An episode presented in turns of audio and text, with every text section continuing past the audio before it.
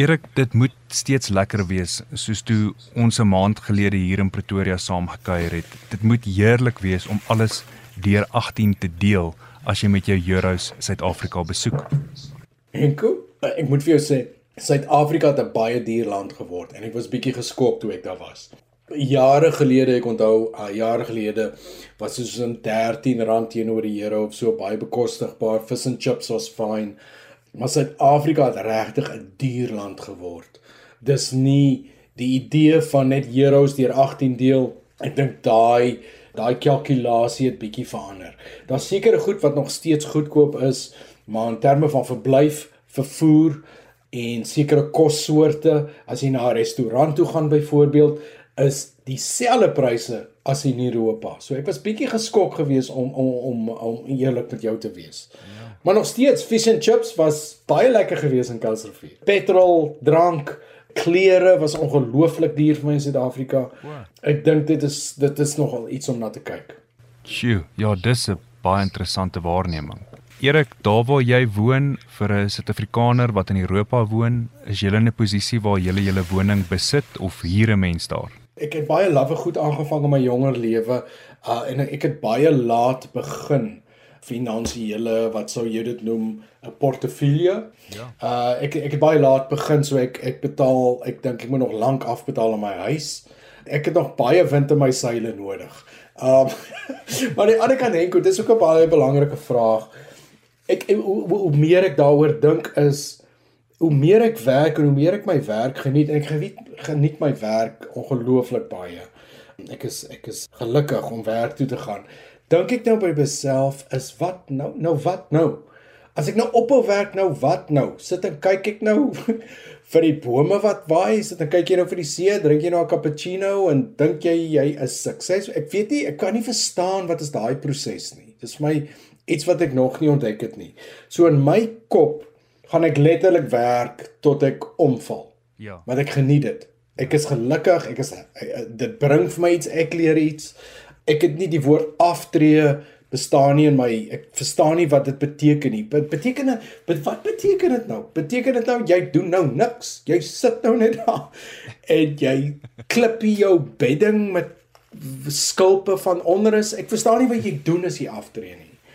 In terme van beplanning vir oud word het ek baie min want ek wil nie aftree nie. Erik, is daar enigiets in jou lewe waaroor jy spyt is en is daar iets wat jy nou sou doen wat jy wat jy dalk misgeloop het in jou lewe? Ek dink ek nou die feit dat ek met studente werk, ek dink my grootste spyt is dat ek nie gestudeer het nie. Uh, wat nou snaaks klink vir jou want uh, jy weet ek kan ek kan my klinkers reg gebruik.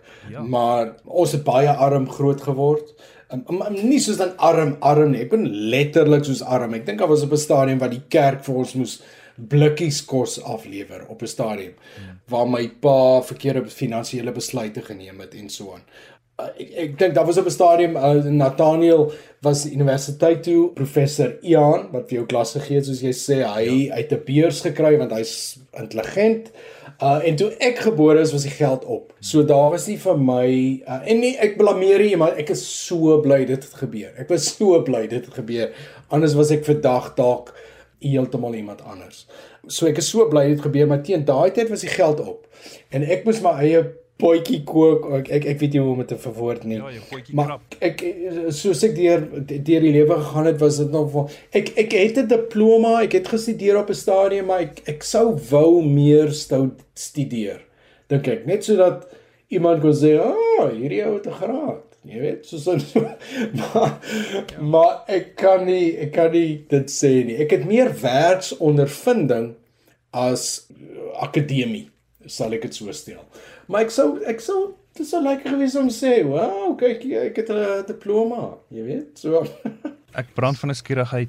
Wat is jou gunsteling kos? Want ons geniet julle program wat uh, tans op televisie hier by ons uitsaai, maar daar moet tog 'n gunsteling vir jou wees wat wat jy gereeld maak en wat jy baie lief is om voor te maak want ek um, ek dink as ek reg kan onthou het Nathaniel vir my destyds genoem dat julle twee noem julle nie professionele chefs nie. Julle kyk meer na julleself as net ek dink hy het gesê huiskokke.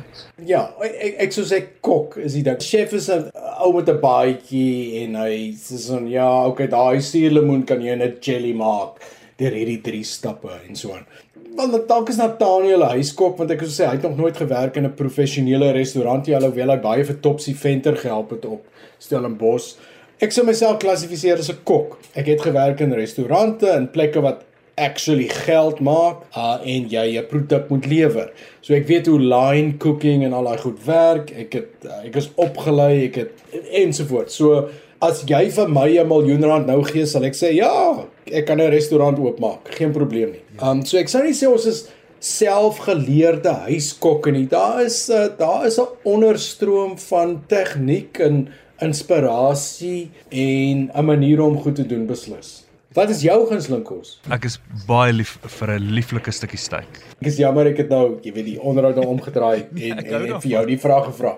Maar dit is vir my baie interessant want elke keer as die filmspan van Suid-Afrika Frankryk toe kom, merk ek dieselfde ding op en dit is my een van die grootste die grootste goed wat ek nie kan verstaan van die mensdom nie is ons onaanpasbaarheid. Dit is my in, interessant om daaroor te dink en en ek dink met kos is dit 'n baie baie belangrik om om te eksperimenteer en ander goed te ervaar en te om te dink dit is hoe ander mense eet. Dit is hoe ander mense goed ervaar. Dis soos 'n 5 dae na die filmspan opgedaag in Frankryk, dan sal die klankman begin sê, "Liewe Vader, nou soek ek 'n lammetjie." Ja. En dit en dit identifiseer ook iets in jouself wat jy sê, jy weet, daar's goed wat jy in jouself kan ontdek en sê, "Dit ding is nie so erg nie," jy weet. Henko, om jou vraag te beantwoord, nou dan gaan jy nou skok. As ek moet vir jou moet sê wat ek elke dag van my lewe moet eet. Ja. Waarskynlik. Wat ek is dit twee goed is roosterbrood. Rooster Roosterbrood met goeie gesoute botter op. Ja. En die ander ding is aardappelskyfies. Ek ek is versot op daai twee goed. Ek kan nie dit verduidelik nie. Daar's baie ander goed. Ek is mal oor sushi, ek is mal oor goeie goeie chickpeas, ek is mal oor uh ek is mal oor 'n goeie tamatie met net goeie sout op. Uh ek is mal oor 'n teelepel goeie olyfolie.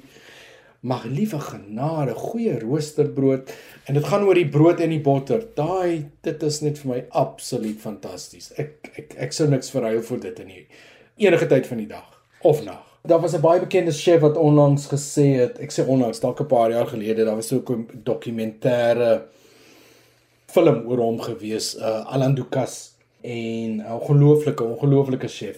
Hy het begin navorsing doen oor wat is vir hom is die ongelooflikste smaak op die planeet. En hy het oor die hele planeet ge, gereis van Japan en by die Taiwan en in in Vietnam en Kanada in in Afrika en Ghana en Senegal eh, oral by padstalletjies gaan jy oral. En hy het vir hom gesê die fantastiese smaak vir hom is 'n ryp tamatie met sout op hy kan nie beter as dit doen nie.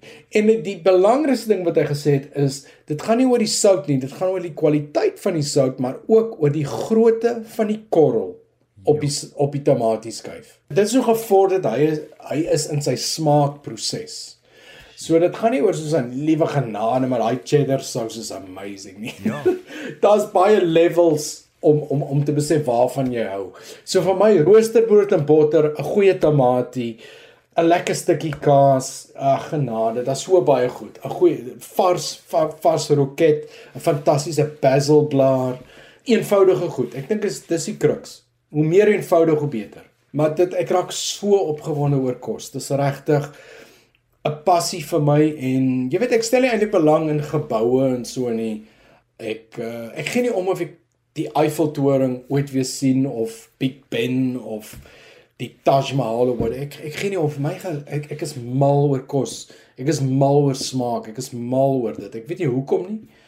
Dit is soos die hele Maslow, die Maslow hiërargie ja. van ding. Ek is ek dink ek is nou heel onder. Ek is ek is nou heel onder. Ek wil nou net iets proe wat lekker smaak. Uh die ander goed kom later. Beteken dit omdat jy 'n groot liefde vir kos maak het dat jy dit ook geniet om te onthaal en vir mense te kook? Is dit nie dalk 'n een van jou liefdestale hoe hoe jy deurdat jy vir mense kook en kos voorberei nie? Glad nie. Is ek is jammer dit glad nie. Glad nie. Ek is ek dink dit is die een ding waar ek en Nathaniel 100% noord en suid is. ek wil op my eie eet, ek wil my eie kos voorberei, dit ryk, ek wil my eie vurk was voor ek daarmee eet. Ek spiekie obsessief daarmee, dit beteken nie ek doen dit nie. Uh ek het dalk 1 en 'n halwe vriend met wie ek dit doen. Ja. Maar ek is baie 'n alleen mens met kos.